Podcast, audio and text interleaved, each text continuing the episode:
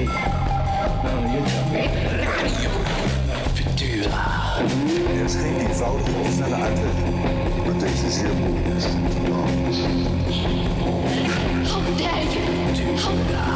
Our military has to be strengthened. De theaterbeleving is op deze manier ongelooflijk moeilijk.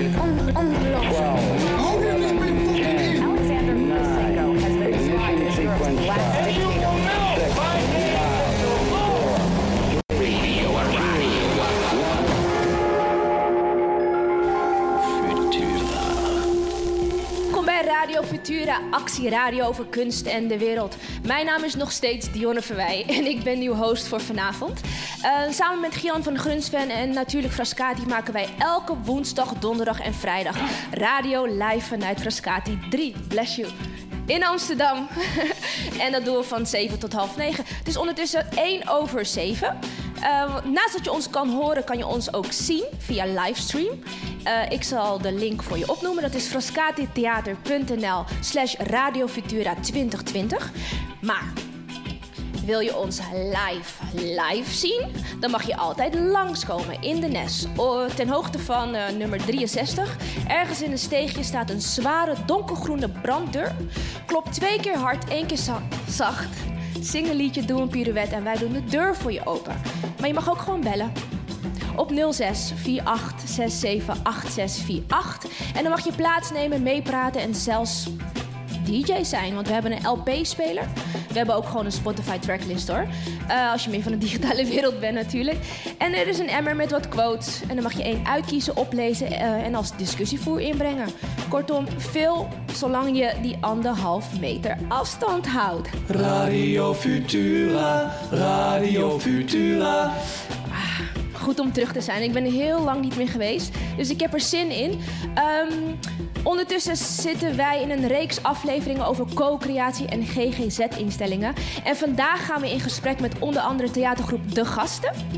eh, ARK met een Q, Nationaal Psychotrauma Centrum. En ehm, nou ja, Frascati Producties is eigenlijk ook onderdeel van dit. Die zit niet aan tafel, die is wel in het huis. Dus als die wat te zeggen heeft, ik bedoel, schuif gewoon lekker aan.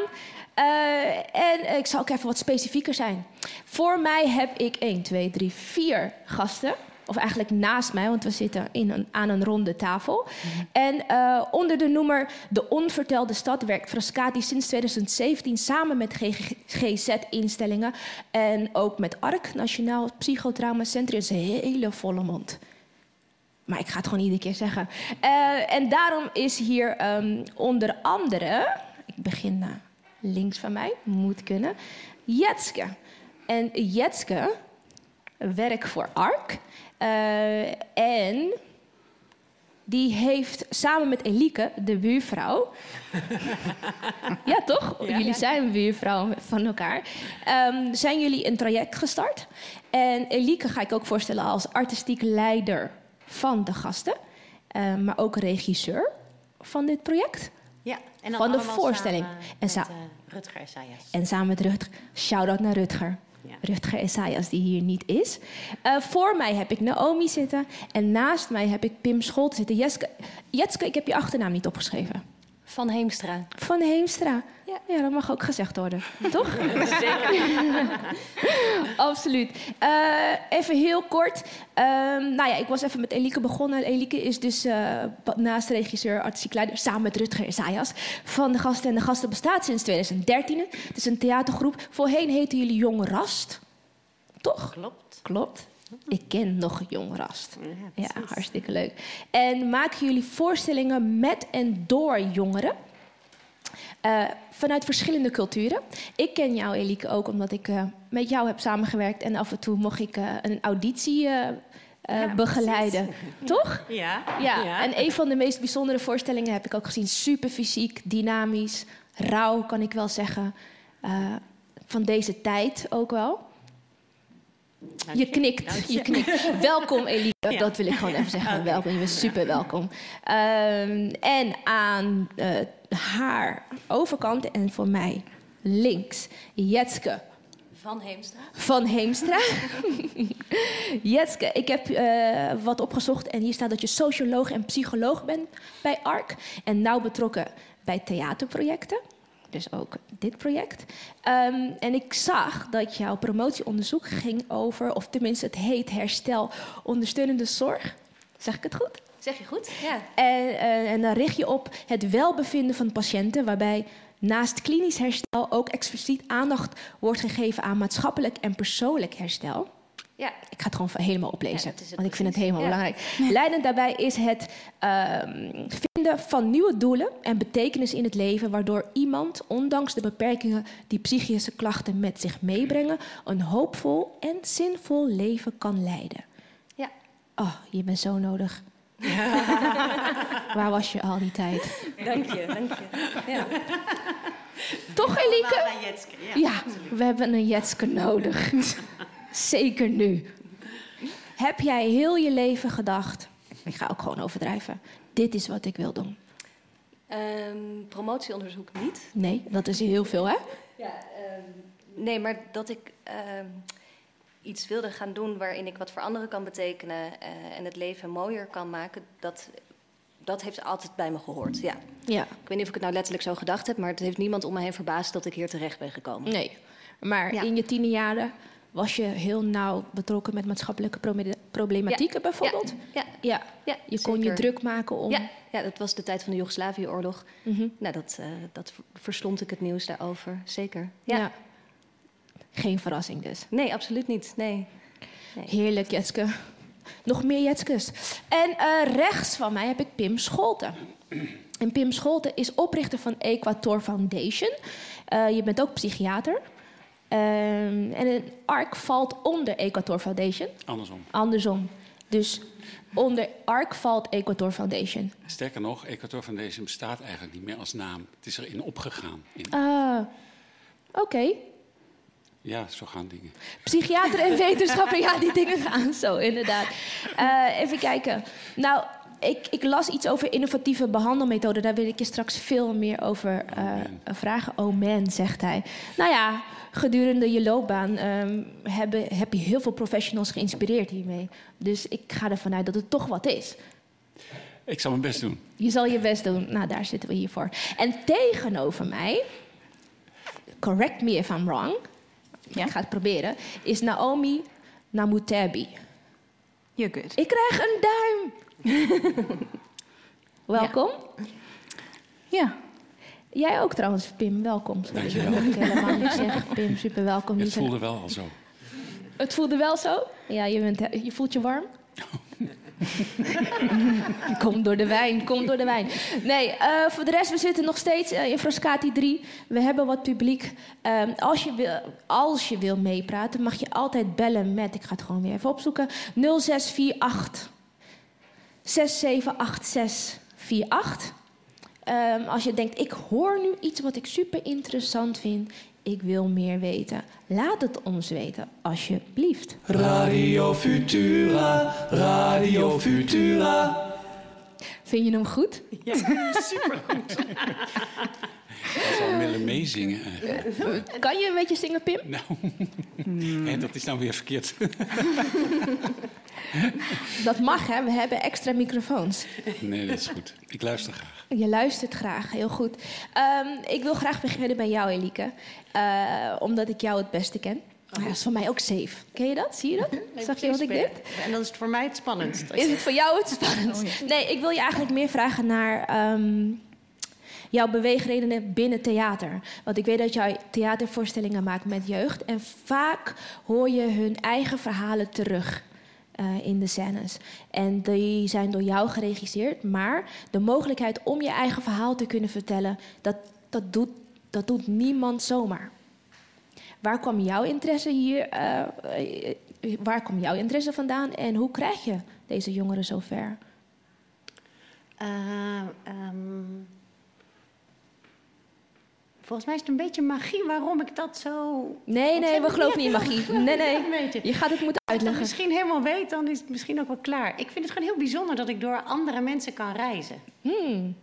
Dus mensen kunnen mij soms naar andere plekken op de wereld brengen. Eh, maar ook in huishoudens brengen, in andere levens brengen. En dat vind ik gewoon een van de spannendste dingen om te horen. Daarmee ben ik eigenlijk altijd op avontuur en op reis. Ja, middels de- het verhaal van een ander. Ja. Maar vooral jongeren tussen 17 en 25 jaar. Ja. Waarom zij? Ehm, dat komt eigenlijk omdat ik volgens mij hou van, en dat is volgens mij niet helemaal naar leeftijd gebonden, maar zij hebben dat bij uitstek.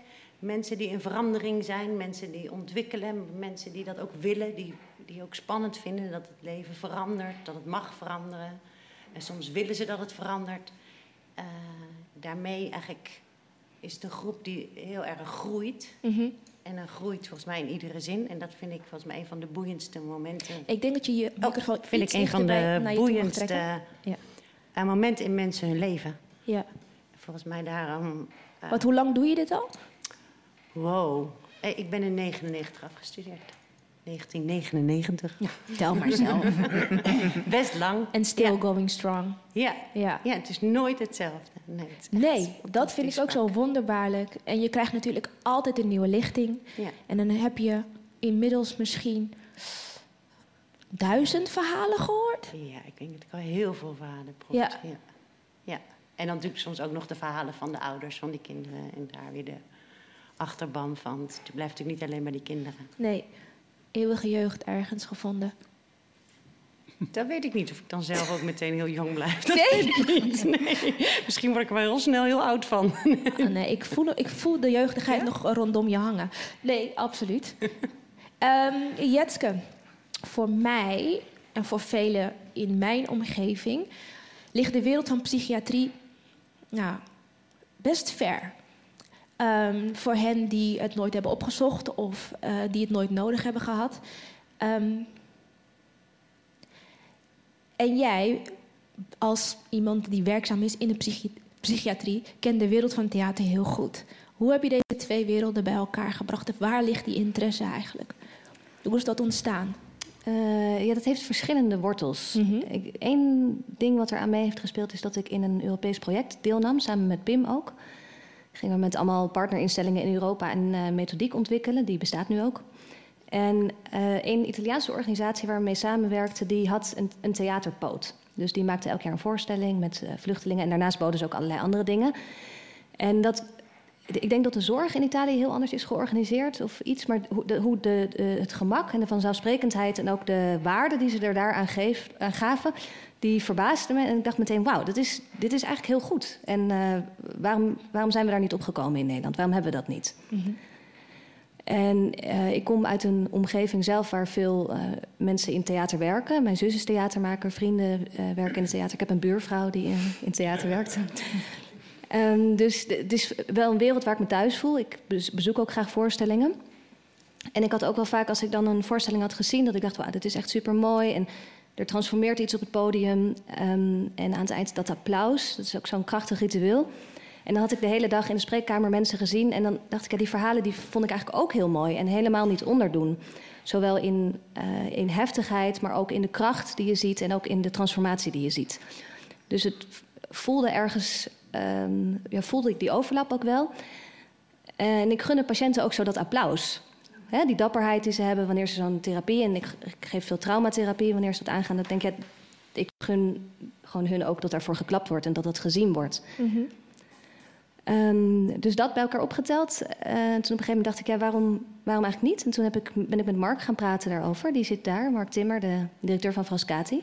Van, dat lijkt me zo mooi en hoe zie jij dat? En die, die zag het eigenlijk meteen voor zich. Ook omdat de onvertelde stad er was. Dus er was een programma waar dat goed in paste. En hetzelfde bij ARK. Ik ben ook daar met de directie gaan praten. En die waren eigenlijk ook meteen heel enthousiast. Dus die bal die ging vrij gemakkelijk rollen. En toen zijn er volgens mij vier voorstellingen gemaakt. Vier projecten geweest in ieder geval. Ik tel er drie. Ja, maar de eerste heeft twee keer gespeeld. Oh, of zo- met twee, met twee verschillende jij. groepen. Dus er Grapje, zijn vier, er ook vier. Wij zijn met jou. ja, vier rondes zijn er in ieder geval geweest. Ja. ja. Dus het project is eigenlijk ontstaan door een gesprek tussen jou en Elike. En Nee, eigenlijk is het. Mark heeft mij daarbij gevraagd. En toen zei ik, ja, maar Je het is mijn met- buurvrouw. Ja, het is je maar. buurvrouw. Je bent niet eens meteen naar Elike eh, Nee, hij zei, ken je, ken heb je wel eens gehoord van Elike Rovers? En toen dacht ik, ja. Ding, ding, ding. Ja, ja. en dat, dat was natuurlijk toeval, maar ook eigenlijk heel fijn, want dat maakt de, de, de lijntjes letterlijk heel kort. Ja. En ook omdat je, eh, omdat je eigenlijk dezelfde doelgroep hebt, of niet? Of is daar net iets breder publiek wat binnenloopt? Uh, nou, Elike werkt voor zover ik weet vooral met jongeren. En ARC is, uh, nou, je hebt het net al verteld, in Nationaal Psychotraumacentrum. Dus dat is een grote organisatie waar eigenlijk allerlei organisaties onder vallen die met psychotrauma werken. Mm -hmm. uh, dus bijvoorbeeld ook één organisatie die richt zich op beleid. Maar er wordt ook wetenschappelijk onderzoek gedaan en er is een behandelpoot. En behandelboot. Poot. Een, een, een, een stond boot. Het zou nee. ook leuk zijn. Ja. Oh, is er een kliniek Wie op, weet, op een water? project. Maar, nee. Uh, nee, een behandelboot. Dus een, een zorggroep noemen we dat. Die valt daar ook onder.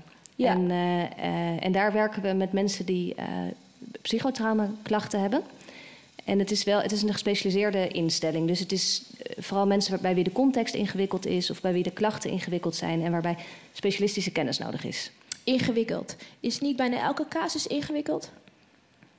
Ja, ja, um, ja, ieder mens is op zijn eigen manier natuurlijk ingewikkeld. Ja, zeker. Maar voor sommige therapie is wel meer specialistische kennis nodig dan voor anderen, denk ik. Ja, ja. get it. Ja. En toch hebben we ons gericht op jongeren. Want het is waarmee jij werkt. Nee, hebben nee, we niet we hebben gedaan. niet gedaan. Nee. nee. Maar ik denk dat er een soort... Of wat ik denk te herkennen is... Um, mensen die zo moedig zijn dat ze dat allemaal aangaan... zijn natuurlijk ook mensen die eigenlijk bereid zijn een transitie in te gaan. En ik denk dat dat wel een overeenkomst, een overeenkomst is met jonge mensen... die ook eigenlijk heel erg in transitie zijn. Dus ik denk dat daar wel een raakvlak zit in dat ik het uh, met alle twee goed kan vinden, zou ik maar zeggen. Ja. Dus het gaat eigenlijk over een, uh, een platform waarin die transitie misschien uh, tentoongesteld wordt. Maar het gaat niet om een alternatief voor een genees- of een behandelmethode. Kijk ik even naar Pim. Nee, dat denk ik niet. Ik denk wel dat het een prachtige aanvulling kan zijn. En een onderdeel. Want doe je dan hier specifiek onderzoek naar als we het hebben over innovatieve behandelmethoden? Nee, nog niet. Nee, nog dit niet. Is, nee, dat zou mooi zijn. Het zal niet meevallen om dat uit te voeren. Maar uh, dat zou prachtig zijn natuurlijk om de effectiviteit daarvan uiteindelijk te kunnen aantonen.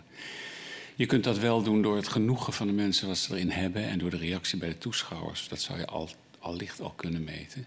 Dat is niet direct de effectiviteit, maar wel aan, aanwijzingen daarvoor.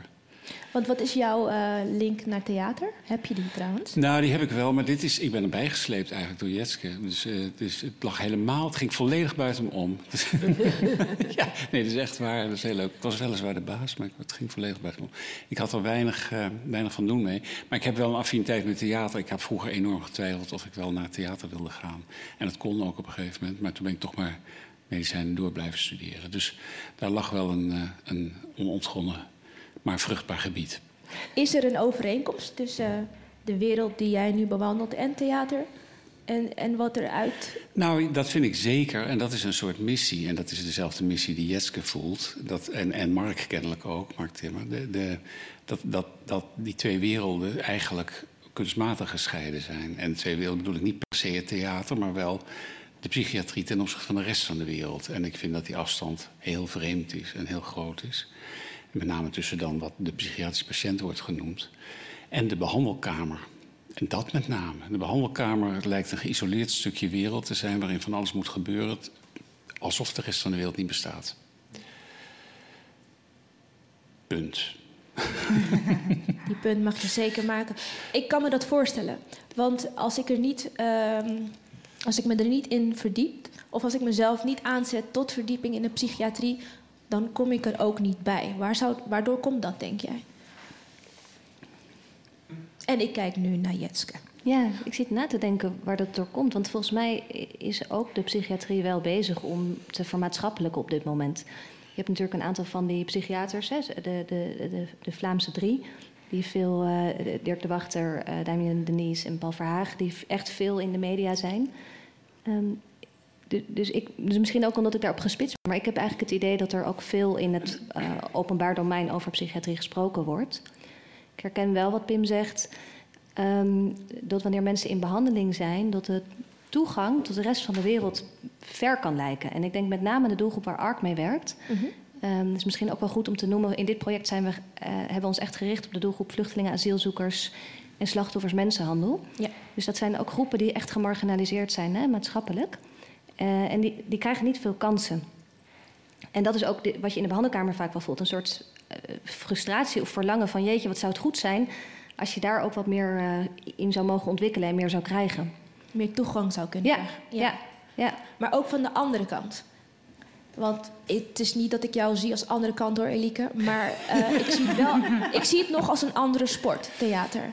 Maar de toegang naar jou toe was twee deuren verder. Laat ik het even zo zeggen. Ja. Uh, hoe heb je dat ontvangen? Want ik kan me voorstellen, ik wil je eigenlijk veel meer vragen hoor. Kijk, nu komt het. Ik kan me voorstellen dat als je theater maakt met uh, jongeren, uh, dat dat ook een kwetsbare groep kan zijn. Zeker in de wereld waar wij nu in leven. Um, en nu te maken hebt met acteurs, want zo zie jij ze wel, ja. die een bagage hebben. wat je makkelijk trauma kan noemen, want anders lopen ze niet bij ARK. En hoe heb je die ontvangen dan? Want was het een andere. Voel je dat het een andere groep is? Um, ja, toen we natuurlijk echt helemaal in het begin. In die zin weet Rutger eigenlijk altijd meer van. Ik ben echt helemaal de grote leek, zeg maar. Um, dus ja, ik kwam helemaal in een totaal andere wereld uh, uh, terecht. En tegelijkertijd natuurlijk ook niet. Nee. Want je kan bij Ark zitten en uh, over moeders praten, hoe dat is. En je kan samen nog steeds hebben over hoe het weer eruit ziet. Je kan je alle twee nog steeds afvragen of dat t-shirt nou wel een leuk t-shirt is of niet. Toch tegelijkertijd delen we ook wel heel veel samen. Maar er is natuurlijk ook een onderdeel wat voor mij heel nieuw was. Waar ik, uh, weet Naomi ook, waar ik heel veel over gevraagd heb. Ook over die behandelkamer. Want als je bij Ark komt, zijn er ook allemaal hele kleine kamertjes. Dus er is een soort hal, dan ga je erheen en dan gaan ze de trap op... en dan verdwijnen ze allemaal naar die kamertjes. Dus het heeft ook iets heel magisch, hè, dat gebouw. Zeg maar. Zo wit entree, toch? Het ziet er ook zo prachtig strak uit. Ja, en zo'n keurige, hele lieve mevrouw... die ons allemaal de weg wijst. Uh, dus het is ook wel echt een soort... ook echt wel een beetje theatraal. Ik vond het ook wel een beetje een soort film waar ik in kwam... Um, ja, daar. Ik kan me dat heel goed voorstellen. Ik ga gewoon eventjes een liedje opzetten en dan gaan we praten over het proces. En zeker met Naomi. Dit, is, uh, dit doe ik voor mijn kleine meid Mia, want zij houdt van Lizzo. Het heet Truth Hurts. Turns out I'm 100% that bitch. Even when I'm crying crazy, yeah, I got boy problems. That's the human in me. Bling bling, then I solve them. That's the goddess in me.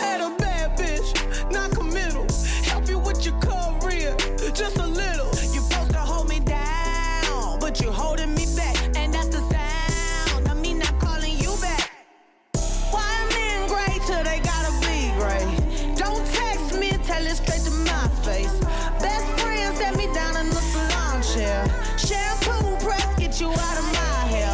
Fresh photos with the bomb lighting. New man on the Minnesota Vikings. True hurts needed something more exciting. Bum bum dum be dum bum.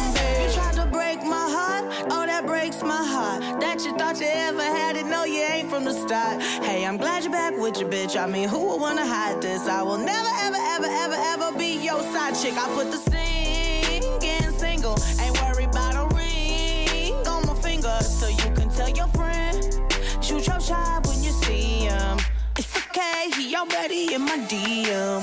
Why men great till they gotta be great? Don't text me, tell it straight to my face. Best friend set me down in the salon chair. Shampoo press get you out of my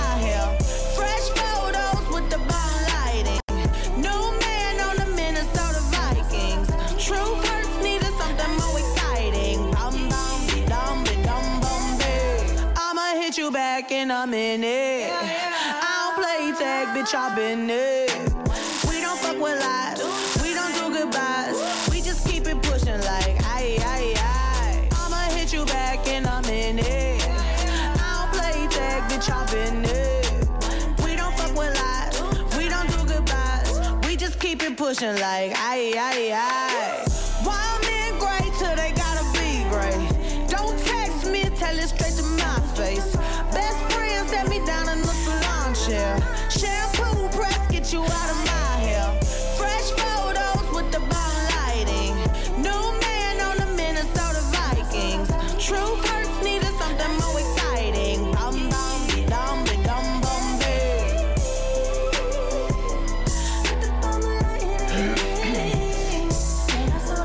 Was Lizzo met Truth Hurts eh, voor mijn kleine meid Mia.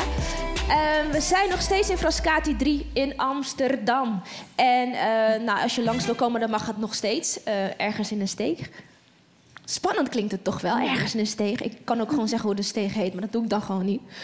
Ergens in een steeg is er een grote donkergroene branddeur. Klop erop, twee keer hard, één keer zacht, liedje, pirouette. En wij doen open. Of je belt gewoon met 06 48, ik vind het zelf heel grappig, maar goed. 0648 678648.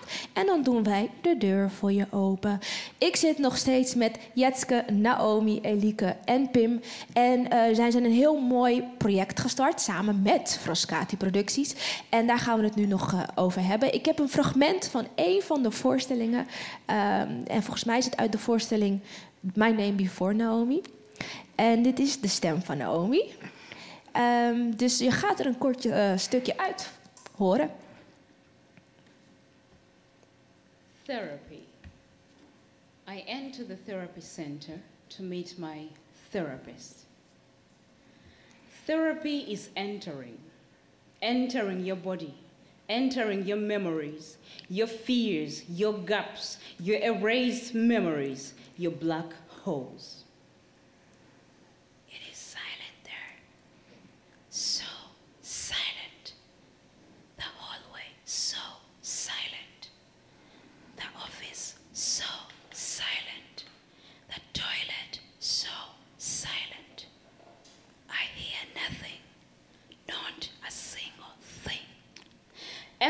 My own footsteps. How nasty it is to hear your own footsteps.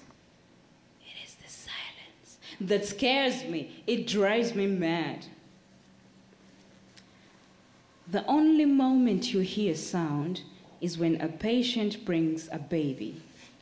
You hear them crying. The walls are thick, but this you always hear. The screaming pierces, penetrates through the walls. A baby can't hide feelings. They are as real as it sounds, the proof of its emotions. Everyone feels this sound, penetrating our bodies. The baby tells the truth. I behave. I do behave. Oh, how I behave. I don't scream. Oh, how I don't scream. I am not a baby. A baby can't hide feelings. A baby can't control itself. I do. I obey the silence. Radio Futura, Radio Futura. Ik schrok van mijn eigen jingle, jullie ook. Jesus.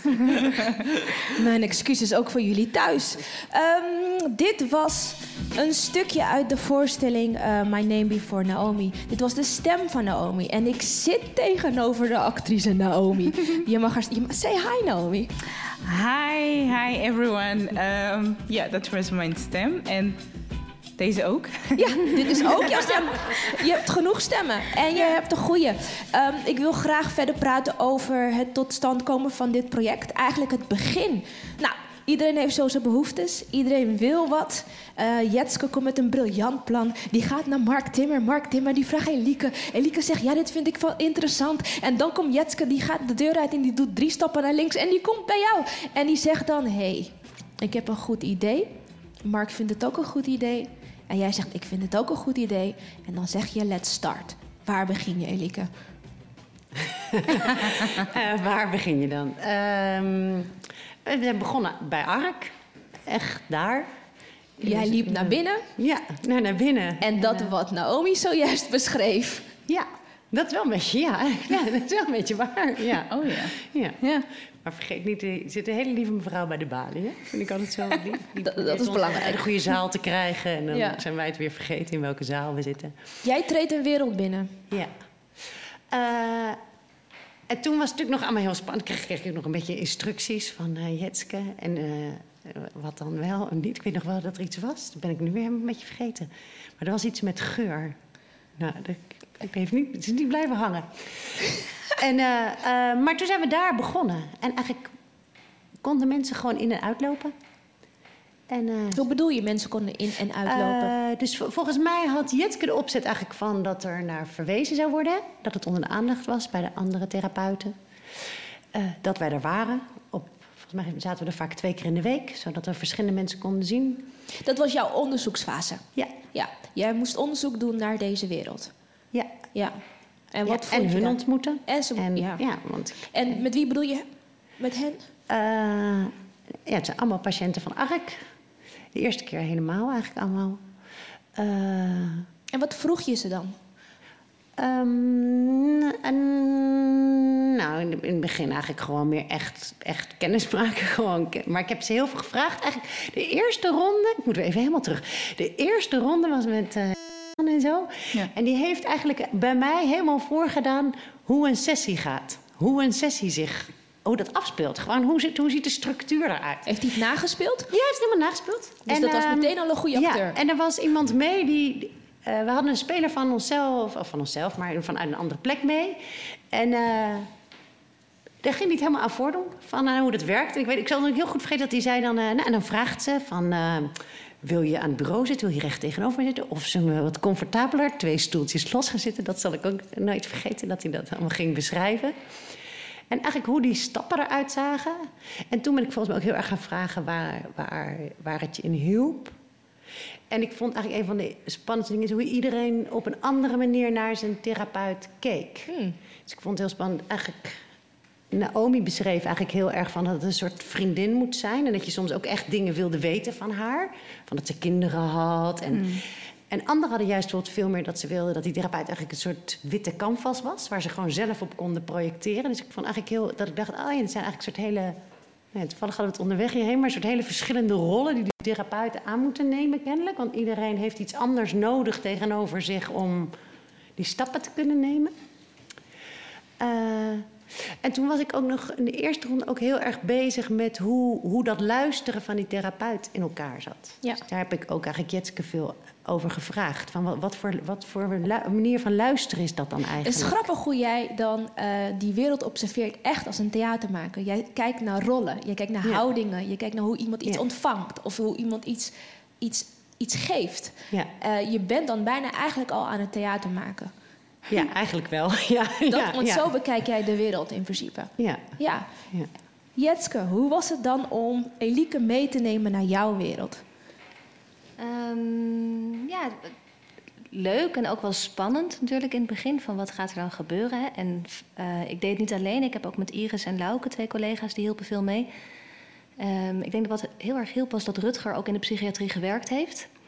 Ehm, want wij zaten in het begin wel heel erg op ja, hoe ver moet je gaan en ook vooral waar moet je niet naartoe gaan. Ik weet nog dat jullie ook dingen gingen vertellen hè, over het soort projecten wat jullie deden. En jullie hadden dan een promotiefilmpje van de gasten. En dan gingen meteen allemaal mensen in strippen. En ik zei, nee, nee maar dat, dat, kan je, ja, dat moet je gewoon niet Oh, mee nee. beginnen. Weet je? Al die naakte Ja, filmpjes? Al die filmpjes in dat Oh, in jezus. onderbroek. Ja, haal dat stuk er even uit. Oh. Dus dat wij er ook wel een beetje maar- in het begin een beetje bovenop zaten. Van, ehm, ja, hoe... eh, eh, nou ja, dit, dit is een, een, een beetje een gekke anekdote erin. Het ging, liep heel erg goed. Maar dat wij daar wel de- bovenop zaten van wat gaat er gebeuren. En we willen wel dat het altijd even langs ons gaat. En wat ga je vragen, wat ga je niet vragen. Dat soort dingen. Dus het, het was in het begin dat ik ook wel dacht... oh ja, waar ben ik eigenlijk aan begonnen? Ehm, ik moet wel zorgen dat dit goed gaat. Vond je het spannend? Ja, ja, ja, ja, ik, ja ik nam het wel serieus. En is het spannend omdat je iemand die buiten dit veld staat... eigenlijk eh, moet toelaten tot een veld wat eigenlijk heel kwetsbaar is? Of daarvan de patiënten natuurlijk heel kwetsbaar zijn? Mm. Of ging het, daar niet, ging het je daar niet om? Wat maakte het spannend? Ja, wat het spannend maakt. Ik, ik weet, kijk, de, de patiënten bij ARC die hebben natuurlijk een heel leven buiten ARC. Waar ook gewoon eh, iedereen normaal met ze omgaat. En waar ze ook niet per se worden gezien als heel kwetsbaar. Of eh, waar rekening mee gehouden moet worden. Maar ik denk dat omdat het bij ARC was. Dus dat we daar, daar hebben we onze regels. Hè, daar spreek je op een bepaalde manier met patiënten. En patiënten verwachten denk ik ook een bepaalde basisveiligheid. Dus het was, daar voelde ik me heel verantwoordelijk voor. Dat Ja. die niet geschonden werd. En dat mensen ook vrijwillig er echt in konden stappen. En dat ook op een veilige manier konden aftasten. Ja. Ja. En ging het goed? Ja, het ging eigenlijk heel goed. En op een gegeven moment zelfs zo goed. Jullie zaten er net een paar keer per week. En wij maakten het bekend op verschillende manieren bij behandelaren. Dus ik denk ook wel goed om te noemen dat echt, een, ook echt wel een deel van de patiënten die ehm, had ook een achtergrond in muziek of theater of dans. Dus er zaten ook best wat mensen bij die juist op zoek waren om zoiets te gaan doen. Dus daar kwam ook best wel veel respons, vond ik, vanuit de teams. Van, oh wat leuk, ik, eh, ik, ik geef het door aan patiënten en eh, die stuur ik daar naartoe. En op een gegeven moment was dat zo natuurlijk en veilig eh, en duidelijk... dat wij ook er niet meer bij bleven. En dat we dachten, nee, nu is het moment dat er gemaakt moet worden. En dan hadden we wel altijd dat we zorgden dat er iemand bereikbaar was. Hè? Dan een soort van telefoonlijntjes. Van dan, dan is Lauke vrij, dan ben ik vrij. Dan kan je die bellen als er wat is. Maar nu gaan jullie maken. En op een gegeven moment was het zelfs zo dat jullie ook zeiden... ja, nu gaan we weg uit ARK en naar het theater toe. En hoe selecteer jij dan? Heb jij al jouw patiënten voorgesteld aan Alieke of heb jij een selectie gemaakt? Ik heb zelf geen selectie gemaakt. Nee, omdat ik op dat moment fulltime met onderzoek bezig was. Dus hele praktische reden. Um, maar we hebben het eigenlijk op verschillende manieren kenbaar gemaakt. Dus flyers opgehangen in de wachtkamer, uh, in naar teamvergaderingen gezegd: hey, dit speelt.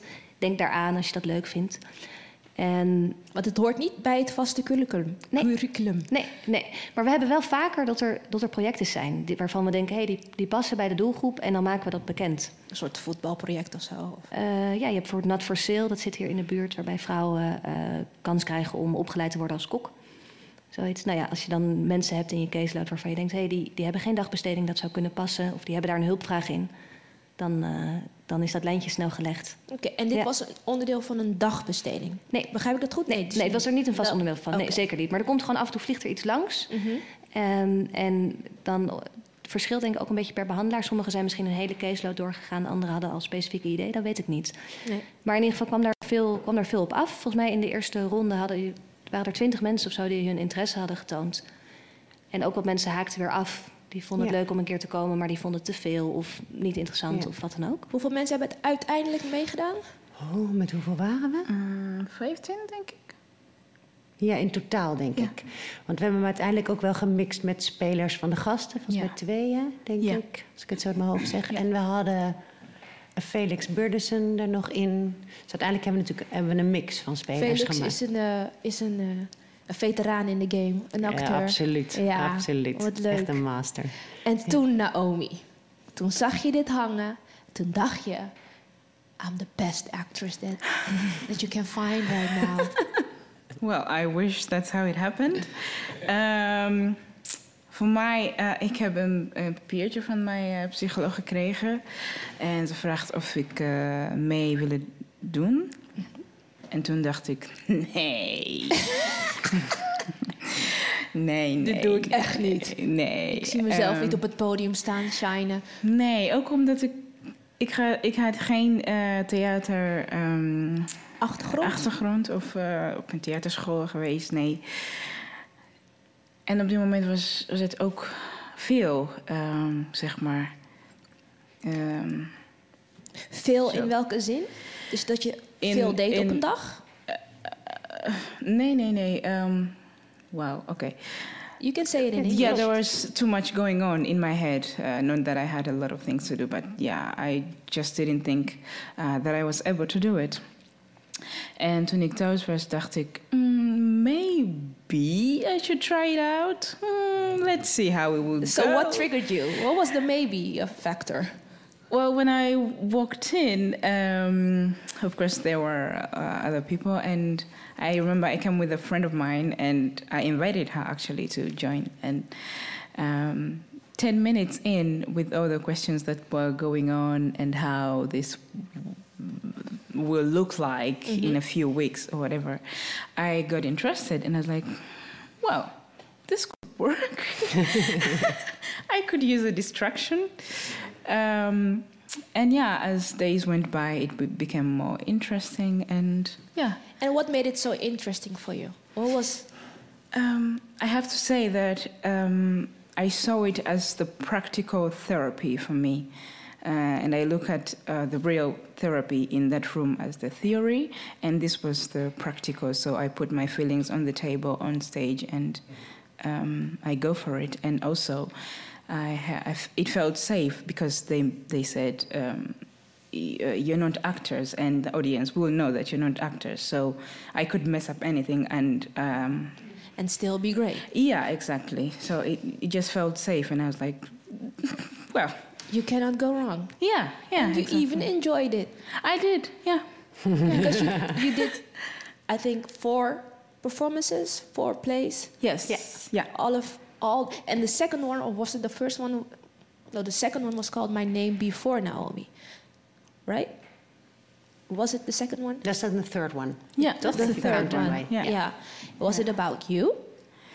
Yeah, that's it's So- about me.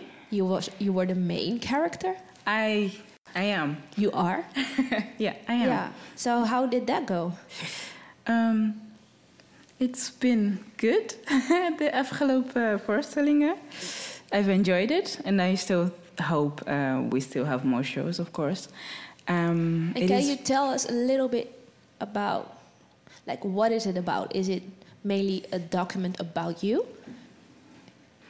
Um, so my name before Naomi actually means that um, Naomi is not my birth name. So I eventually got the name in Holland when I was baptized, and so I had a life before I came to the Netherlands, and I'm giving a background of that life and what led uh, to me uh, coming here to the Netherlands and what happened when I did.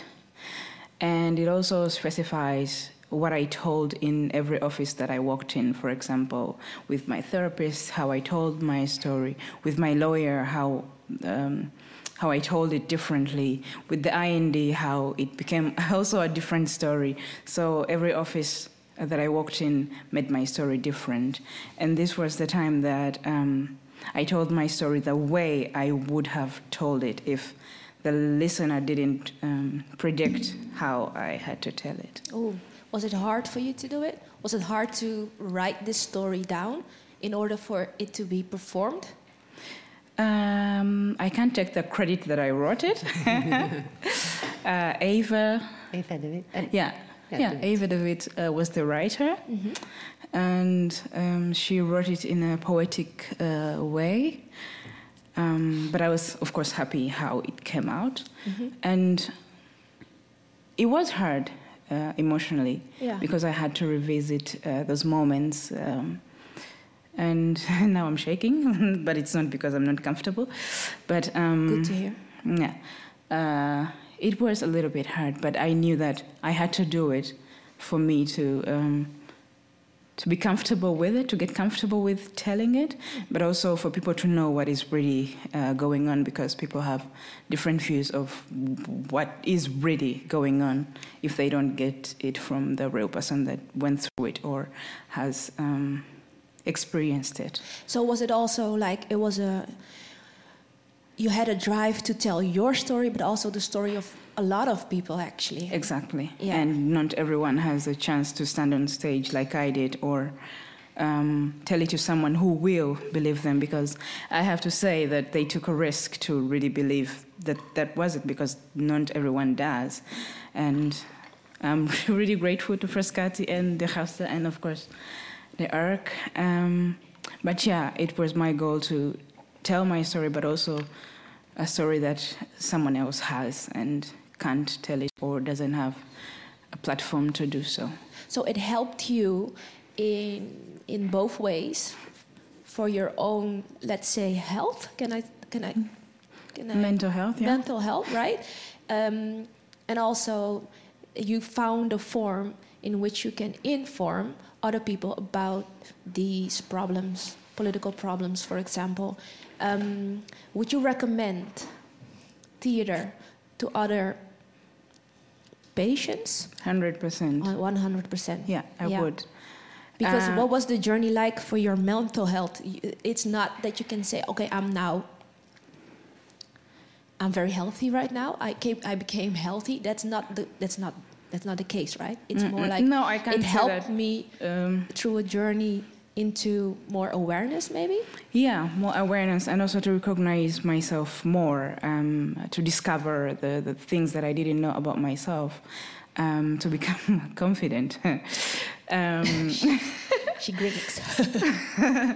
and um, yeah, it, it really helped me mentally. Also, to wake up to know that I have a show tomorrow was really a big deal for me. I still laugh because uh, some of my friends don't even believe that I That I- you're performing. Yeah, Bring yeah. them. Well, of course they, they they saw me in the news and whatever, but it was a big deal for me to like have such an audience and um, it gave me a goal to wake up every day and and uh, go on with my life and also um, be hopeful that if something like this can happen uh, to me with everything that has gone on, then I still have hope for more things to come in my life. It gives you a goal. Yeah. It gives you hope. Exactly. And if you hear... The, oh, ik kan even naar Nederlands. Als je dit zo hoort, wat doet het met jou? Nou, dat is heel bevredigend. En het is bevestiging van dat je denkt als mensen een verhaal mogen maken van wat ze hebben meegemaakt. En dat is een, een hè, van traumatische gebeurtenissen is dat een van de kenmerken dat het zo moeilijk is om er uiteindelijk een verhaal van te maken. Dat lukt niet omdat het buiten je range van ervaringen is. Ja. Dus als dat lukt, dan is dat heel goed voor de verwerking en heel prettig. En dan heb je hier ook nog andere doelen er, eh, heb je gediend. Hè? Het is de informatie naar de buitenwereld. Maar het is vooral ook, en dat is ook helend, je wordt gezien en daarmee erkend. En dat is voor de identiteit die je eigenlijk bij je draagt. En dat is precies wat Naomi vertelt. Hè. Ze moet telkens een andere identiteit presenteren, omdat dat bij de rol hoort die van je wordt verwacht. Je hoort heel vaak van mensen die onvrijwillig in een land komen, dat ze de identiteit die ze op dat moment als, bijvoorbeeld als juridische status hebben, bijvoorbeeld ik ben een vluchteling, dat dat hun hele beleving wordt. Of ik ben slachtoffer, of ik ben, nou ja, ik ben iemand die recht komt halen of zo. Terwijl, zoals Naomi vertelt, je mag in die voorstelling laten zien hoe het echt is. Zij laat aan de mensen zien hoe ze telkens een andere identiteit moest presenteren. En tegelijkertijd presenteert ze daarmee wie ze werkelijk was. En dat is voor het helende proces, denk ik, het meest essentiële. Daarom vind ik altijd dat, ja, terugkijken naar dat trauma en proberen daar overheen te komen is één ding. Maar het hervinden van je identiteit is een heel andere. En dat heeft heel veel te maken met je buitenwereld. Want een groot deel van identiteit is hoe je erkend en herkend wordt door anderen. Dus als ik als anonimus door de stad loop, dan ben ik wel mezelf, maar toch voor een deel ook niet. Omdat niemand weet wie ik ben. Je bent als het ware daardoor, je bent door de ander. Je Eh, bent door de ander. Ja, dat is echt een credo waarvan ik denk, nou ja, dat is. Het is heel grappig is, er is in het, in het zuidelijk deel van Afrika is zo'n woord wat ze gebruiken, Ubuntu, dat is uit de Bantu-taal. En dat begrijpelijk, ik, je bent doordat wij zijn. Maar daar heeft het een iets andere betekenis. Dat is, je moet elkaar helpen, je kunt het niet alleen. En dat is zeker waar. Maar je kunt ook alleen maar ervaren dat jij jou bent als mensen je zien. Als niemand mij ziet, dan ben ik eigenlijk niet. En dat is gewoon wat theater natuurlijk kan bieden bij uitstek. Het is wel ook een heel drastisch middel. Want je kunt natuurlijk ook je rol vinden in iets wat veel meer nou ja, afgelegen is. Je kunt in een buurt kun je betekenis hebben voor mensen. En daarmee kun je ook gezien worden. Theater is natuurlijk bij uitstek voor een groter publiek. Dus het is heel dapper in die zin. En meteen ook heel drastisch. Daardoor ook wel eng als middel om in te zetten. Ja, maar... Maar dat, vind ik, toch, Ja? dat geldt volgens mij ook van, vond ik in die groep. Ja, maar we beginnen natuurlijk eigenlijk, want Naomi is uiteindelijk met een solo geëindigd, maar we beginnen met een groep. En dat vond ik ook soms heel krachtig om te zien in zo'n groep. Dat toch door in een groep te opereren mag je allemaal je rol hebben. Ik weet dat we in de eerste ronde, ik weet even zijn naam niet meer, maar een man had die eigenlijk alleen maar hij zat er.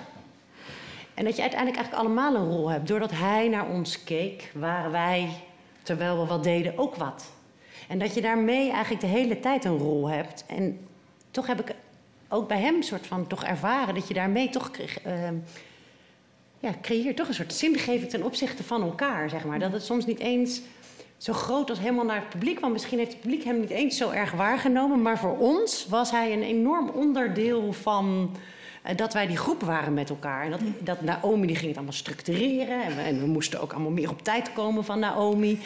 Eh, toch, Naomi neemt haar rol. Iedereen neemt zo zijn rol in. En daarin krijgen we eigenlijk allemaal betekenis. en toch omdat zij boos wordt dat we er niet waren... heeft de betekenis dat wij komen.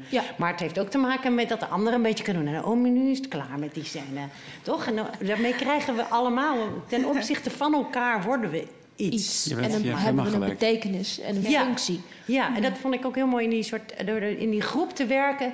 Dat ja, ook de hele kleine en enorme. Ik weet dat ik met hem potloodjes rondbracht. En daarin hadden wij wel samen, zoals theater soms alleen maar een pen neerleggen een betekenisgeving is. Want dat hebben we gekozen om te doen. En daarmee is het iets. het- je hebt het afgesproken, je weet wanneer, je weet wie wat mag zeggen. En heb je besloten dat het belangrijk is. Want anders zou je het niet doen. Zou je die anderen niet uitnodigen om te gaan kijken hoe wij die pennetjes neerleggen. Ja, en ik denk dat hij voor ons ook een hele, heel mooi voorbeeld was. En ook een bevestiging dat het veilig was.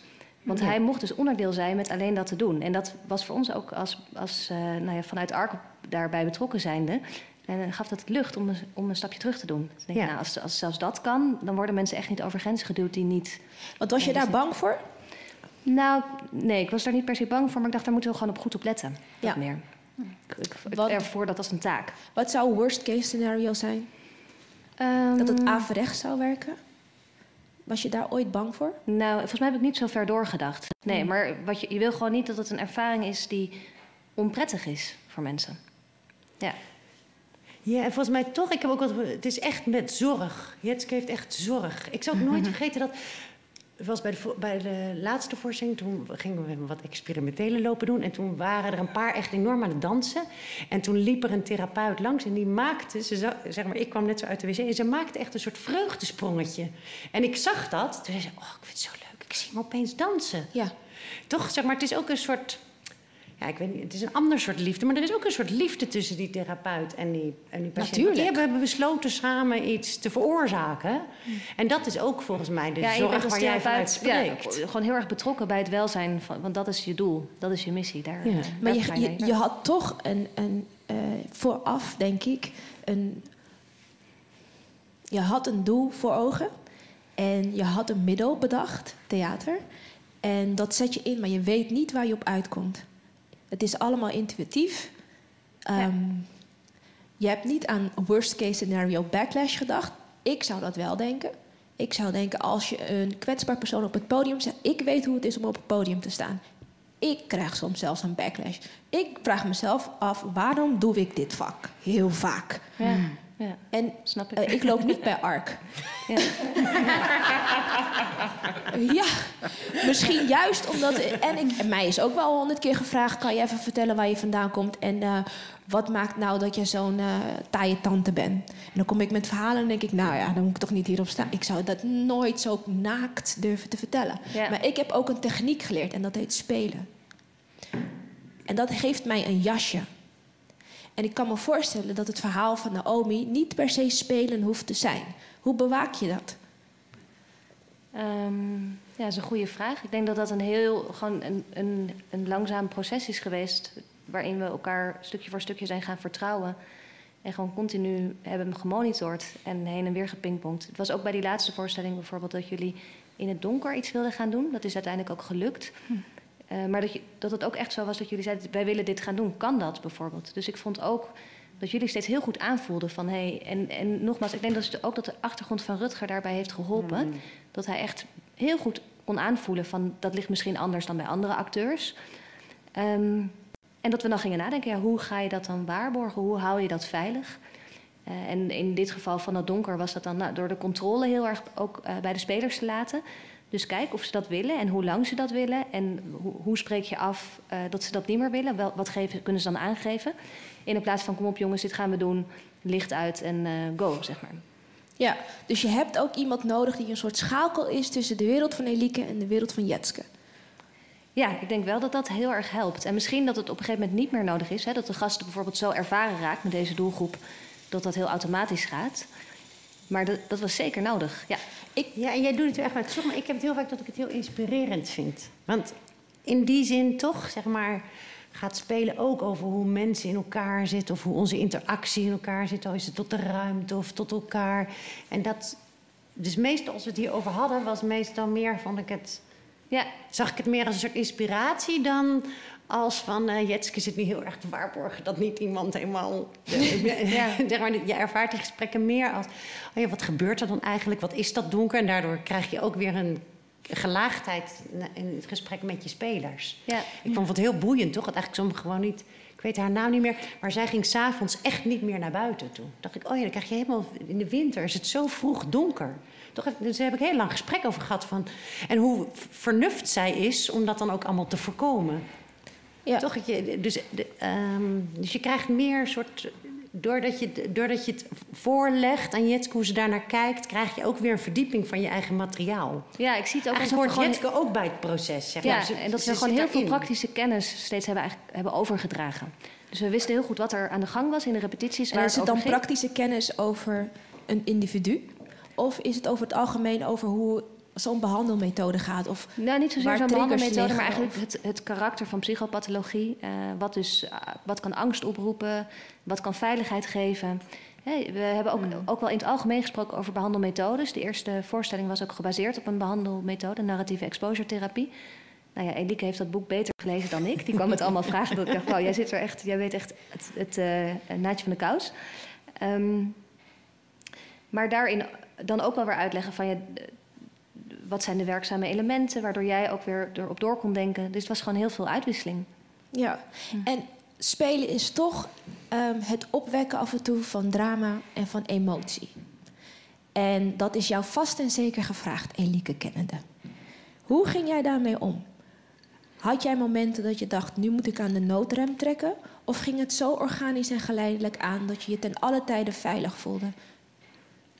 Um, ja, Elike en Rutger made it that made it feel like I had a choice every time, and um, if I didn't want to do something, I I didn't, and if I wanted to, I could, and they guided me through all the steps. Of course, that's something that I wanted to do, but they were not uh, practical for the uh, show or.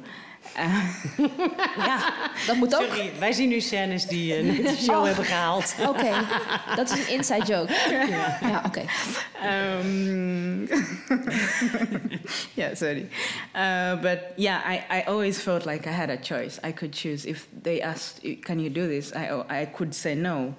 Um, but I also had to think about if I say no, will it help? Or will it um, take us back? Will it help the show?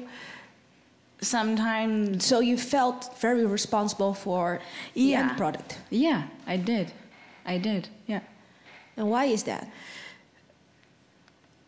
Maybe because I'm a perfectionist um, I just thought it's something very important to, to me as a person, but also that they put in all this uh, energy and money, a lot of money that I didn't know where it came from.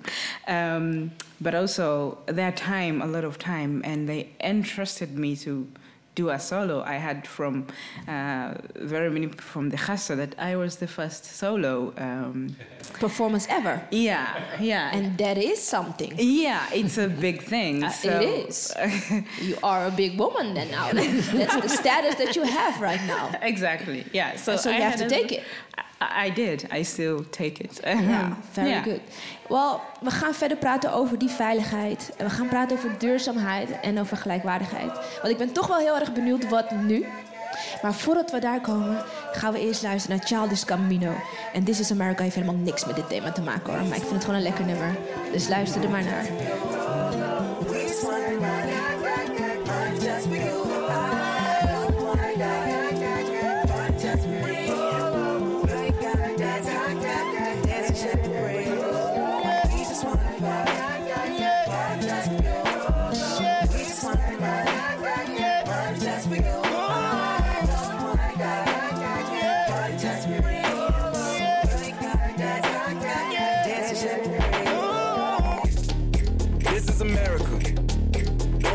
Slipping now. Don't catch you slipping now. Look what I'm whipping now. This is America. Don't catch you slipping now. Don't catch you slipping now. Look what I'm whipping now. This is America. Don't catch you slipping now. Look how I'm living now. Police be tripping now. Yeah, this is America. Guns in my area. My area. I got the strap. Hey. I gotta carry 'em. Yeah, yeah, I'ma go into this. Yeah, yeah, this is Gorilla. Yeah, yeah, I'ma go get the bag. Yeah, yeah, or I'ma get the pad. Yeah, yeah, I'm so cold like yeah. Yeah, I'm so dull like yeah. We gon' blow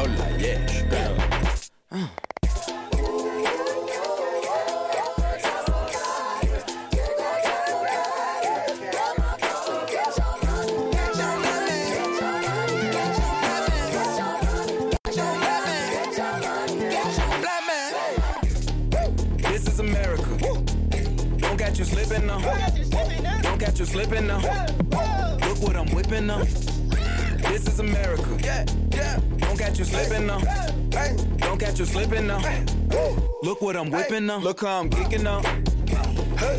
I'm so fitted. I'm on Gucci. I'm so pretty. Yeah, yeah. I'm gonna get it. Watch me move. This is selling. That's a tool. Yeah. On my Kodak.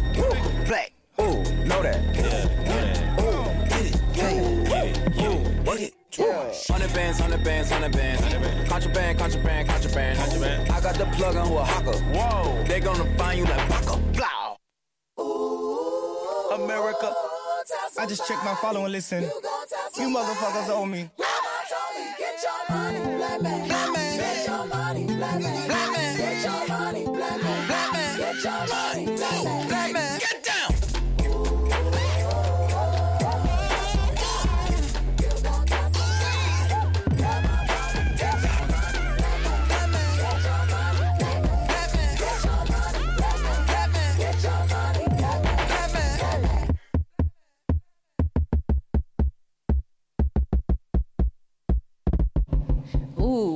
Childish Gambino met This is America. En nu gaan we naar onze eigen ster luisteren. Haar naam is nog steeds Naomi. En het is een fragment, het heet Richard III. Toch? Ja. Nou, let's go.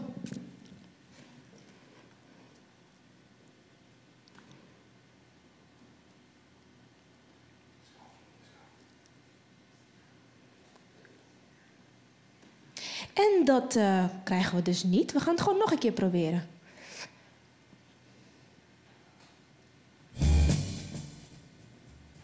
Dat is het ook niet. ja, ik heb hem nu. So I see you thinking, wondering, will there be a catharsis? a catharsis is a purification of a spectator when he sees a problem of a fictional character. Purification of body and soul. I am not Richard III, and this here is not a play. Outside this black box, there is no second chance. Outside these four walls, every moment, every step, every second counts. And while you're out there, you might cross my path as I've just escaped from the house. Dirty, dazed, bewildered, or afraid. I tap you on the shoulder. May I ask you something? Radio Futura, Radio Futura. Mhm. En we zijn nog steeds bij Radio Futura, zoals je hoort. Ehm wij hebben naast mij Jetske van Heemstra. Yes. Naomi Namutebi. Voelde je die opluchting dat ik het goed deed? Elike Rovers en Pim Scholten. En we hebben een fijn gesprek over hoe je theater kan maken met een groep die wij heel weinig horen. Ze noemen hem kwetsbare mensen, maar eigenlijk zijn het mensen die in behandeling zijn. Zoals iedereen naar een dokter gaat wel eens voor een zere knie of een kies die eruit moest. Eh, ik wil het niet, daarmee niet bagatelliseren, maar ik wil wel een groep ehm, mensen aanwijzen die er ook gewoon zijn in de, in de maatschappij. En die hele goede actrices zijn, zoals Naomi. Je hoorde zojuist een fragment uit Richard III. En dat was Naomi's stem. En eh, ja, ze lacht heel hard. En Naomi is onze ster. Want Naomi heeft in drie, vier voorstellingen van de gasten gespeeld. eh, geregisseerd door Elike Rovers. En eigenlijk wil ik gewoon eh, nu praten over waar gaan we heen.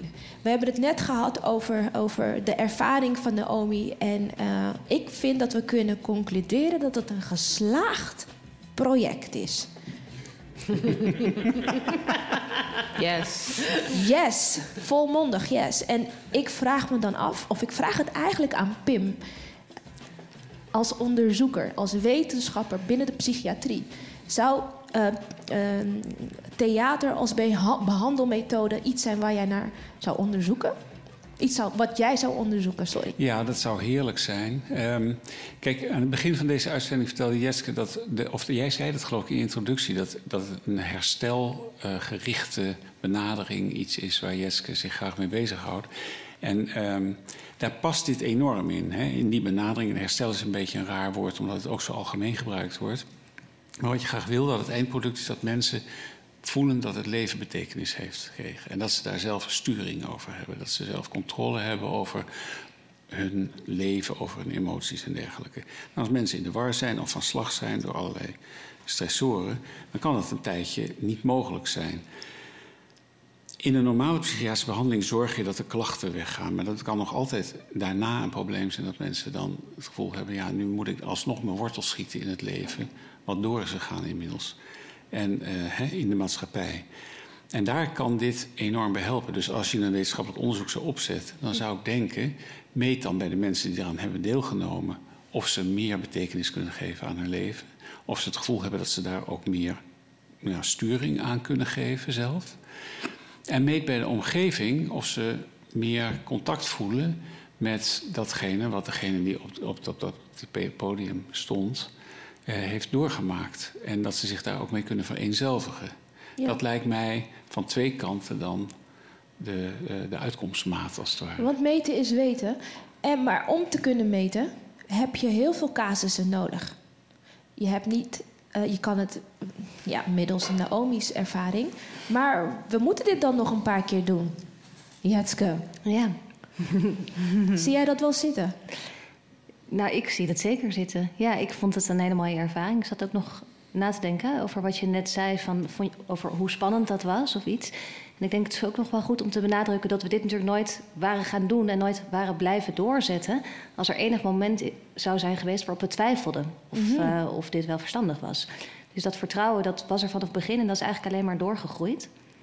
Um, en we hadden ook wel een duidelijke visie vanuit waar we dat eigenlijk weer zouden willen doorpakken. Hè? Dat, aansluitend wat Pim net zei, dat je, dat, dat je op een bredere manier kijkt naar herstel. Uh, dus je kijkt eigenlijk naar herstel van psychische klachten, maar je kijkt ook naar herstel van je maatschappelijke rol. En herstel naar de relatie die je met jezelf hebt, persoonlijk herstel. En vooral voor die laatste twee delen van herstel, daar, daar zijn dit soort projecten gewoon heel helpend in. Ja. Ja, maar je zou nooit kunnen voorschrijven: hé, hey, uh, ik denk dat jij theater nodig hebt. Punt. Ja, um, dat is gewoon niet hoe het op dit moment is ingericht. Nee. Weet je, we hebben als zorg hebben we een, een, een, eigenlijk een systeem met elkaar bedacht. En dat, dat is beschikbaar. Hè? We hebben bepaalde therapieën die we leveren. Daarvan weten we, dat mensen die daarvoor opgeleid zijn, die kunnen dat geven. En zo'n theaterproject, ja, dat moet er ook zijn op dat moment. Daar moet financiering voor zijn, daar moet een goede samenwerking zijn. Dus dat is niet iets wat je even uit je zak trekt. Er moet vertrouwen zijn, zoals je er zei. Moet, ja, precies. Ja, dus er zijn allerlei factoren. Dus het is wat ingewikkelder afstemmen. Maar wat wil je nou echt? Wat wil je bereiken hiermee? Wat zou je, hoe zou je de toekomst willen zien dan? Um, want ik kan me voorstellen, als je het gaat over hoopvol en zinvol leven kan leiden, ja. ja. dan wil je iets teweeg brengen. Je wilt, ja. ik, je ja. wilt iets duidelijk maken. Hè? Jij en Elieke werken gewoon goed samen. Dit loopt goed, dit gaat goed, we hebben goede resultaten. We beginnen bij één en we gaan door. Wat zou je willen? Wil je eigenlijk uh, ik zeg even iets heel gechargeerd. Wil jij gewoon dat er op de behandellijst kan staan... medicatie, Elieke Rovers en de gasten? Kom ik in een pak van een pil. Ja, 500 milligram. Wat milligram uh, per dag. Ja, dat vind ik ingewikkeld om te zeggen hoe ik dat precies voor me zou zien. Um, kijk, ik denk wel dat die die nauwe samenwerking die we hebben gehad, en of Elike en ik dat nou zijn, of uh, iemand na mij die het stokje overneemt en iemand die het stokje van Elike overneemt, hè, dat kunnen ook anderen zijn. Maar dat, dat, zou, dat is heel goed als dat door zou blijven gaan. En ik denk bijvoorbeeld aan hoe je dat concreet zou kunnen maken. Hè, dat je ook met een uh, patiënt bijvoorbeeld bespreekt in de spreekkamer als therapeut van hey, waar wil jij dat theaterproject eigenlijk voor gaan gebruiken? We zijn er nu ingerold en we zijn het gaandeweg heel erg gaan ontdekken, maar we hadden nog geen ervaringen van daarvoor.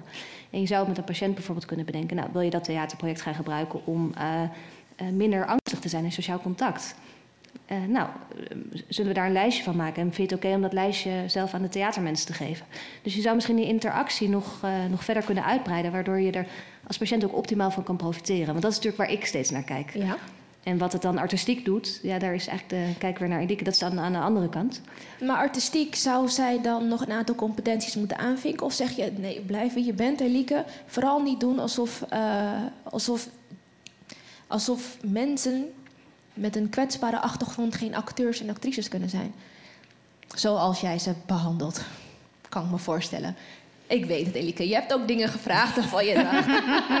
dit vraag ik toch gewoon aan alle acteurs?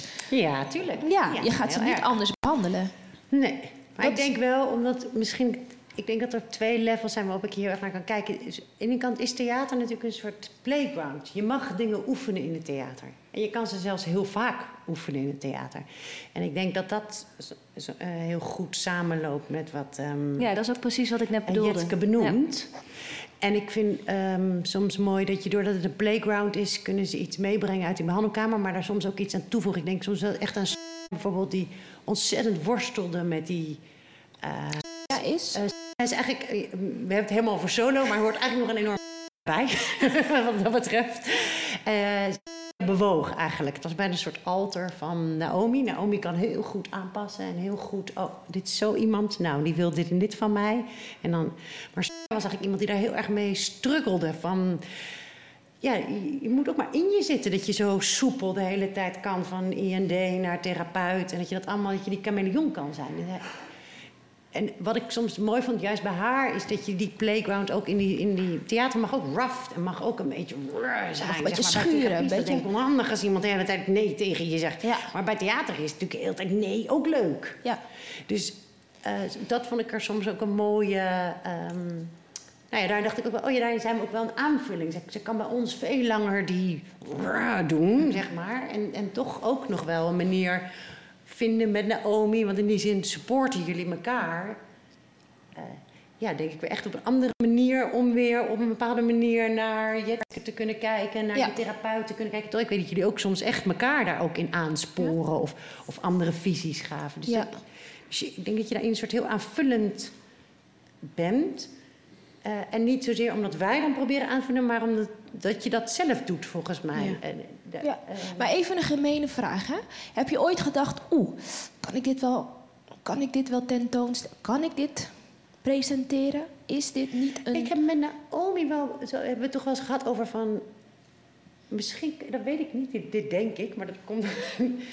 Met therapie oefen je om iets terug te gaan naar een momentum, toch? Zeg ik dit goed? Ik zit hier met echte kenners aan tafel. Mhm. Je bent heel bang om dit te zeggen. Wow. Wow. Ik zeg iets, eh, corrigeer me meteen. Ehm, en ik weet dat ik een keer met Naomi over had van... er moet soms wel een bepaalde intensiteit op die tekst komen liggen. Dat weet je natuurlijk als acteur helemaal. En eh, toen waren we eigenlijk heel erg bezig van hoe diep moet dat? En toen weet ik nog wel, Naomi, doe het maar eens een keer... en dan kijken we gewoon waar we, waar we uitkomen. En toen weet ik dat ik tegen hem zei... nou, zo diep hoeft lang niet hoor, dat doet geen enkele acteur. Dus Naomi kon zeggen wel meters diep. Terwijl ik dacht, nou, bij 20 centimeter zijn we er al. Ja. Toch voor mij tegelijkertijd omdat je zo ervaren was... om heel diep soms te moeten gaan naar die, die baseline van jezelf. Ja. En ehm, eh, dat ik dacht, oh... Ik denk dat jij ook... Ik weet niet hoe dat was voor jou... maar ik denk dat jij ook dacht achteraf... oh, was het zo'n klein beetje... Was het was meer soms zoeken naar de...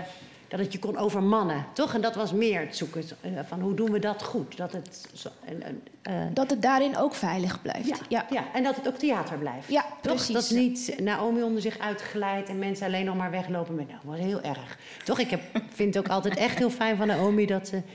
Je loopt ook weg en denkt, zo, Nou. she's a tough girl. Ja. Toch? Ja, je bent trots zeker. op haar. Maar het is ook wat ik, wat ik de kracht van theater ook vind. Wat ik ook vind dat de kracht. en- Nee, wat ik ook vind. Wat ik een kracht vind van theater. Jeetje, ik kom niet uit mijn woorden. Is dat eh, als, als toeschouwer hoef je niet ehm, te weten of iets echt is of niet. En eh, als je naar zo'n voorstelling gaat, dan hoop ik, ik weet niet wat op de flyer stond, dat het ook wel gaat om het theateraspect en over het feit dat het fictie kan zijn. Dat geeft mij als toeschouwer ook een veilig gevoel. Want ik kan me dan voorstellen dat je daar zit en dat je dan. En als je zou weten dat dit een echt verhaal zit, dat je er anders zit. Hoe zijn jullie daarmee omgegaan? In hoeverre hebben jullie uitgelegd dat dit waar gebeurde verhalen kunnen zijn? Of zijn? Hebben jullie dat gedaan? Nou, ik denk, misschien ook wel goed om te verhelderen dat dat eigenlijk alleen in de solo van Naomi echt speelde. Hè? Dat in de andere voorstelling is, was dat veel, eh, als het al eigen verhalen waren, was dat zo poëtisch verwerkt dat het niet zo in your face was. Het een beetje, dus je moet eigenlijk denken, toen we met die hele groepen werkten, ben je, ga je meer op een soort skill zitten met elkaar. De eerste ging heel erg over juist over het kijken. En de andere ging juist eigenlijk over heel erg dat donker te durven aan te gaan. Het letterlijke donker, maar soms ook het donker in jezelf. Mag dat een plek hebben? Eh, en bij Naomi's eh, ben ik is het een echt verhaal. En ik denk ook dat het, um, daar eindigt het ook mee, is dat voor mij het er soms ook over ging, is we kijken naar, toch we kunnen ons verheerlijken aan een monster als Richard III. Ja. Maar hoe is het als we het monster soms echt moeten zien? Ja. En daar ging het voor mij dat onderzoek ook over. Over hoe, eh, hoe zit dat eigenlijk theatraal in elkaar? En wat natuurlijk is een.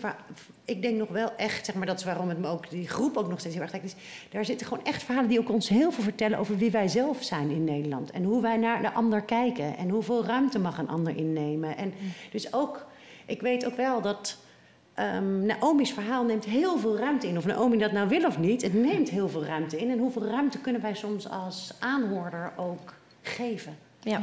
Dus in daarin eh, heeft het... Soms ben ik wel op die grens gaan zitten... van of het die bescherming voor jou heeft als kijker... dat je kan denken, het is allemaal gespeeld. Ja. Soms hebben en ik wel gekozen van... nee, we gaan, we gaan toch echt op die scherpte zitten. Eh, omdat het op een bepaalde manier ook een activistisch verhaal was. Wat Hmm. wel, denk ik, wel echt verteld ook. En activisme eh, in die zin dat je ergens ook ehm, het publiek iets wil bijleren en ook wil moveren. Moveren is een woord wat ik heb gebruikt nu zojuist. En ik weet niet of het bestaat. Jawel, zeker. Oké, yes.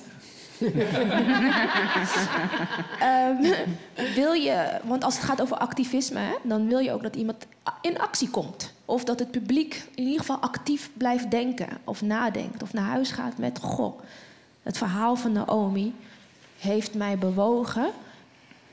En daarom ga ik morgen een boek openmaken of ga ik, eh, ga ik, ga ik nog meer informatie hierover zoeken. En wil ik misschien weten waar ik kan helpen of ehm, wat, er, wat, wat erachter ligt. Naomi, heb je daarover nagedacht, over die activistische kanttekening?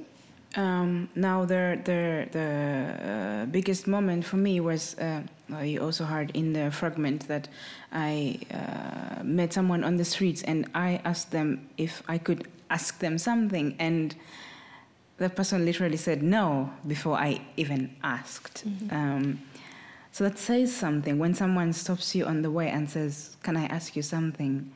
It is not that it is not something simple. You should take them seriously and help them. You don't know what they are really going to say, or you don't know how a big impact you can make in their lives. So somebody else can look at it as a very simple thing. Well, no, no, I am busy or whatever. But you don't know how a big impact you can make in someone's life. And the, the other one was um, uh, very many people, of course, don't, don't know how it works with the IND, with the refugees, and very many people think that we are privileged um, by the system, and it's actually the other way around. Um, of course, there are those good things that the system does for us, but I can't say that we are privileged, and the little information you have about something, um, um, how do they say that? Now I'm thinking in Ugandese. Just say it in your language. we'll translate. No, Um, okay. So the less you know about something, the less um, important it is to you, you know. Um, the third one, I have so many, but I'll stop on the third one, um, is when I uh, told uh, a, a woman that I was trafficked here, and she went like, mm, "Doesn't that doesn't happen in the Netherlands?" Um, so that gives you um, that shows you how little people know about their own country or what goes around their own homes because if you can say that literally maybe you could say "Mm, i don't know if that happens but just that doesn't happen here you know Yeah, I know. Yeah. Definitely. Yeah. Uh, I know the culture. and I also know that uh, in Nederland is het um, niet. Het komt wel eens voor dat um, bepaalde taboes. um, gewoon gezamenlijk in de doofpot ge- gehouden worden. Om heel veel redenen. Het, is ook, het zit ook een beetje in, um, in ons als Nederlanders. Ik denk, ik, ik, ik zit er ook in, dus ik zeg ook ons. En het verbaast niet, maar het doet wel pijn. Het is heel lastig om dit te horen. Ehm, dus ik snap het activistisch tintje eraan. En ik, ik I'm all for it, laat ik het even zo zeggen. Eh, ja, absoluut. ik eh, moet even wachten met wat ik nu wil zeggen. Nou, zal ik wat zeggen? Het is Ja, altijd wat, zeker. Het is, het is wel ongemakkelijker naarmate voor de toeschouwer, naarmate het activistischer is vaak. En dat is misschien precies wat je wil bereiken, omdat het bijvoorbeeld dan taboe doorbrekend is. Het gaat mensen, mensen gaan naar huis met een soort wakker geschud zijn. En je kunt daar heel ver in gaan. Iemand als Bright Richardson, die, die ook theater maakt, die zegt dan vervolgens: Nou, trek nu je portemonnee maar. Of kom maar op met die baan voor deze persoon. En dan zit je helemaal: Jezus, moet dat nu? Ik, ik dacht dat ik naar een leuke avond theater ging. Dus dat is heel ongemakkelijk. En het is de mate waarin je activistisch wil opstellen en ook eisen ten aanzien van je toeschouwers, hoe ongemakkelijk het is. En dit had al degelijk, de- deze voorstelling had wel degelijk al dat effect. Mhm. En op een hele, eigenlijk bij wijze van spreken, elegante manier, omdat je mocht verder naar huis. Ja. Zonder enige verplichting. Ja, die privilege had je. Ja. ja. Wie moet deze voorstelling of een van deze voorstellingen zien? Wie moet dit zien, Jetske? Ik denk dat een deel van de mensen waarvan we dat graag wilden hem al gezien hebben. We hebben er een, eh, een aantal dingen omheen georganiseerd. Eh, Rutger en Elieke zijn ook heel hard bezig geweest met research. Hè? Voor, in ieder geval voor de solo van Naomi. Dus misschien kan jij er het beste over vertellen. Eh, eigenlijk hebben wij. Misschien is het nog wel goed. De hele voorstelling is begonnen omdat Naomi eigenlijk. Wij waren voor iets anders aan het repeteren. Want nou ja, Naomi was natuurlijk helemaal on. Dus eh, het was eigenlijk een hele andere voorstelling. En eigenlijk zei: Mag ik mijn verhaal aan jullie vertellen? En eigenlijk daar is het helemaal begonnen. En dat het zo helemaal groeide naar. Nou ja, wij kwamen natuurlijk opeens in een wereld die we niet kenden. Want daar kom je niet. Nee, maar daar vraagt men ook niet naar. Nee. En, ehm, Blijkbaar. eh, dus wij zijn eigenlijk, we hebben eigenlijk overal waar Naomi langs is geweest, zijn wij ook langs geweest. En hebben eigenlijk heel erg gevraagd hoe dat vanaf die andere kant werkte. Wat, wat, wat gebeurt er dan? En ik was ook eigenlijk heel erg bezig ook met de framing van de vraagstelling. Ja. Omdat ik zo mooi vond van de vraag van Naomi is namelijk, ze vroeg aan ons, mag ik gewoon een keer mijn verhaal vertellen? Opdat je een keer oefent ook tegen een ander. Van wie ben je toch? Soms moet je het tegen een ander zeggen wie je bent. Ja. En ook omdat het nogal een verhaal is. Eh, en al die andere instanties, die shapen het verhaal. Dus eigenlijk ben ik heel erg overal geweest van in welke, wat is die vraagstelling? Wa- Waar leidt dat toe? En dat al die mensen allemaal een agenda hebben. Dus die zijn niet met bezig met Naomi, maar haar verhaal moet in een soort agenda passen. Eh, en dat hebben we eigenlijk, zijn wij overal wezen vragen. En daar ben ik ook steeds op teruggekomen natuurlijk bij Naomi. Van, wat, maar, maar wat doet dat dan, zo'n vraagstelling? En hoe werkt dat dan in zo'n ochtend? En, eh, En voor mij was het zelf, vond ik ook echt in...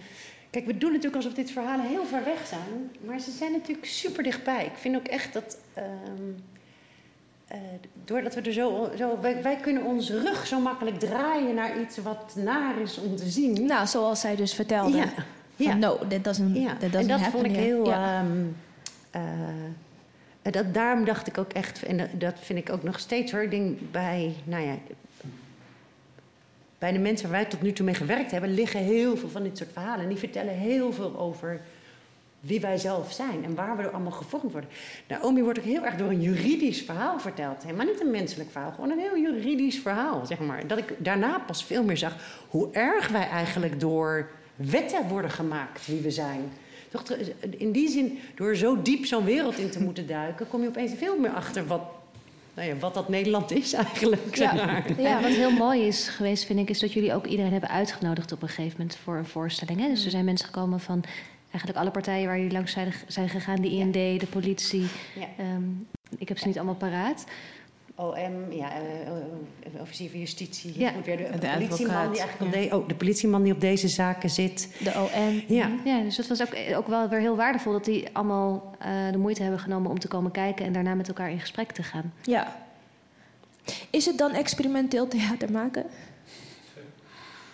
Eh, in welke zin bedoel je dit? Nou, je, je, je probeert iets uit wat vrij extreem is. Want het verhaal inhoudelijk is vrij extreem. De partijen die je erbij betrekt zijn extreem voor de norm die wij kennen. Ehm, dus je gaat wel iets aan. En daar, wil je, daar komt resultaat uit, wat eventueel handig is voor Pim.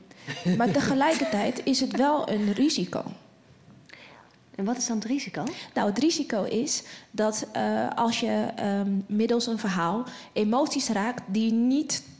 eh, ehm, waarvan je eh, in eerste instantie niet wist dat je die zou hebben in zo'n geval. Dus als de politie, de IND, de OM en Naomi in één ruimte zitten en ze horen het perspectief van Naomi, de mens, dan zou je opstandig kunnen worden.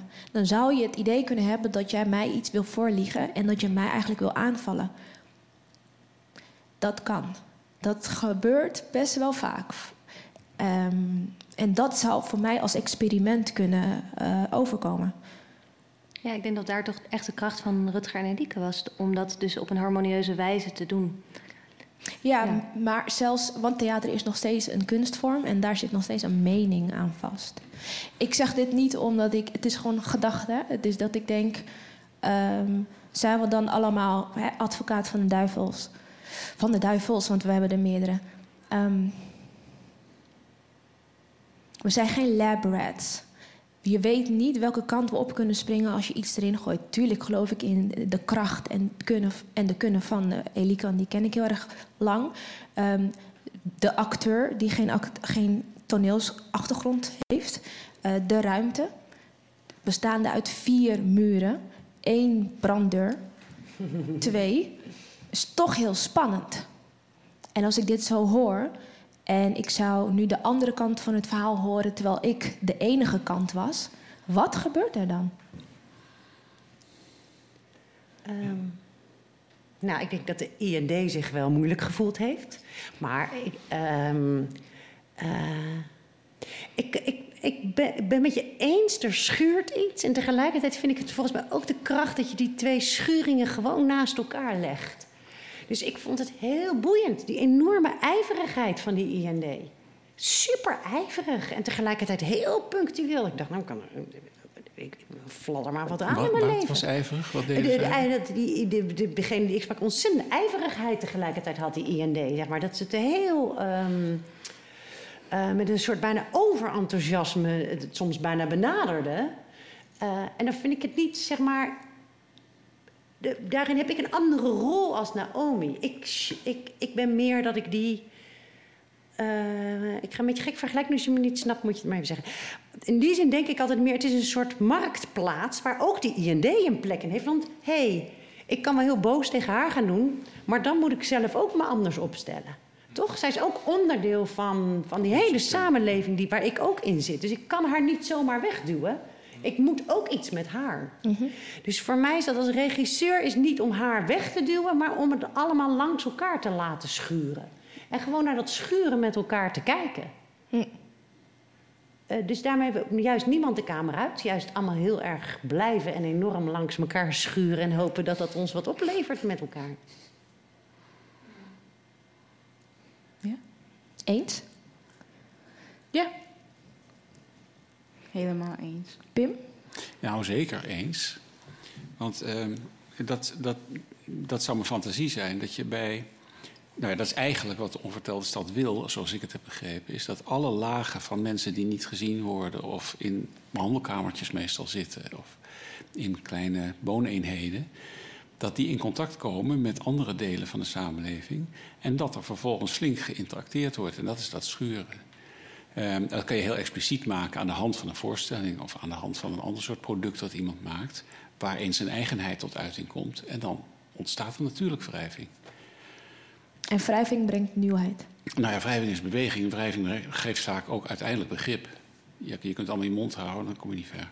Radio Futura, Radio Futura. Oeh, we zijn eh, denk ik eh, bij het laatste minuutje. En ik wil toch nog even hebben over de toekomst. Want ik kan me voorstellen dat ehm, Pim na deze aflevering denkt... joh, ik ga toch nog een aantal casussen naast elkaar moeten leggen... en misschien voor elkaar krijgen om eh, erachter te komen... of theater echt een goed middel is om te kunnen helen. En ik kan me ook heel goed voorstellen dat Jetske denkt... ik ga gewoon lekker, ver, lekker door totdat het nog kan... en totdat het nog goed voelt en veilig en vertrouwd... samen met Elike of een andere theatermaker... maar ik kan me niet voorstellen, want Elike is de beste. Maar eh, ik kan me ook heel goed voorstellen dat we over twee jaar hier nog een keer zitten... en dat ik Naomi nog een keer aan tafel hebben... en dat zij van actrice naar artistiek leider is geklommen. En dat ze een eigen stichting heeft waarin ze theater en healing bij elkaar brengt. En dat ze al haar, al- haar de mensen die na haar kwamen en die het nodig hebben, ook een moment kunnen geven. En ook een, een- project kunnen bieden waar zij misschien eventueel hetzelfde kunnen ervaren. Eh, en zo niet is dat ook niet nodig. Want niet iedereen is hetzelfde. En daarom hebben wij een hele gezellige maar toch soms ook moeilijke wereld. Mijn naam is Dionne Verwijn, nogmaals. Eh, ik heb een hele fijne uitzending gehad. Ik wil mijn gasten bedanken. Ik bedank Jetske, ik bedank Naomi, ik bedank, Elike en ik bedank Pim. Ik bedank Frascati, Berthe en Mark en Heske, shout-out. En Gian natuurlijk ook. ehm, dat dit mogelijk is en dat we dit bespreken kunnen. Eh, ja, wat nog meer? Ik ben er morgen weer. En ik heb er zin in om 7 uur, dus ik hoop dat jullie er ook zijn. ik word uitgelachen, hoezo? Ik nodig mensen gewoon uit om te luisteren. Dat moet toch kunnen? Ja, dat is gewoon wat we moeten doen, denk ik dan. Radio Futura. Met Dionne Verwij. Dionne Verwij. Jan van Gunst. Jan van Gunst. Frascati. Dionne Verwij. Radio Futura. Gian van Gunst. Dionne. Dionne. Dionne. Dionne. Radio Futura. Tot morgen.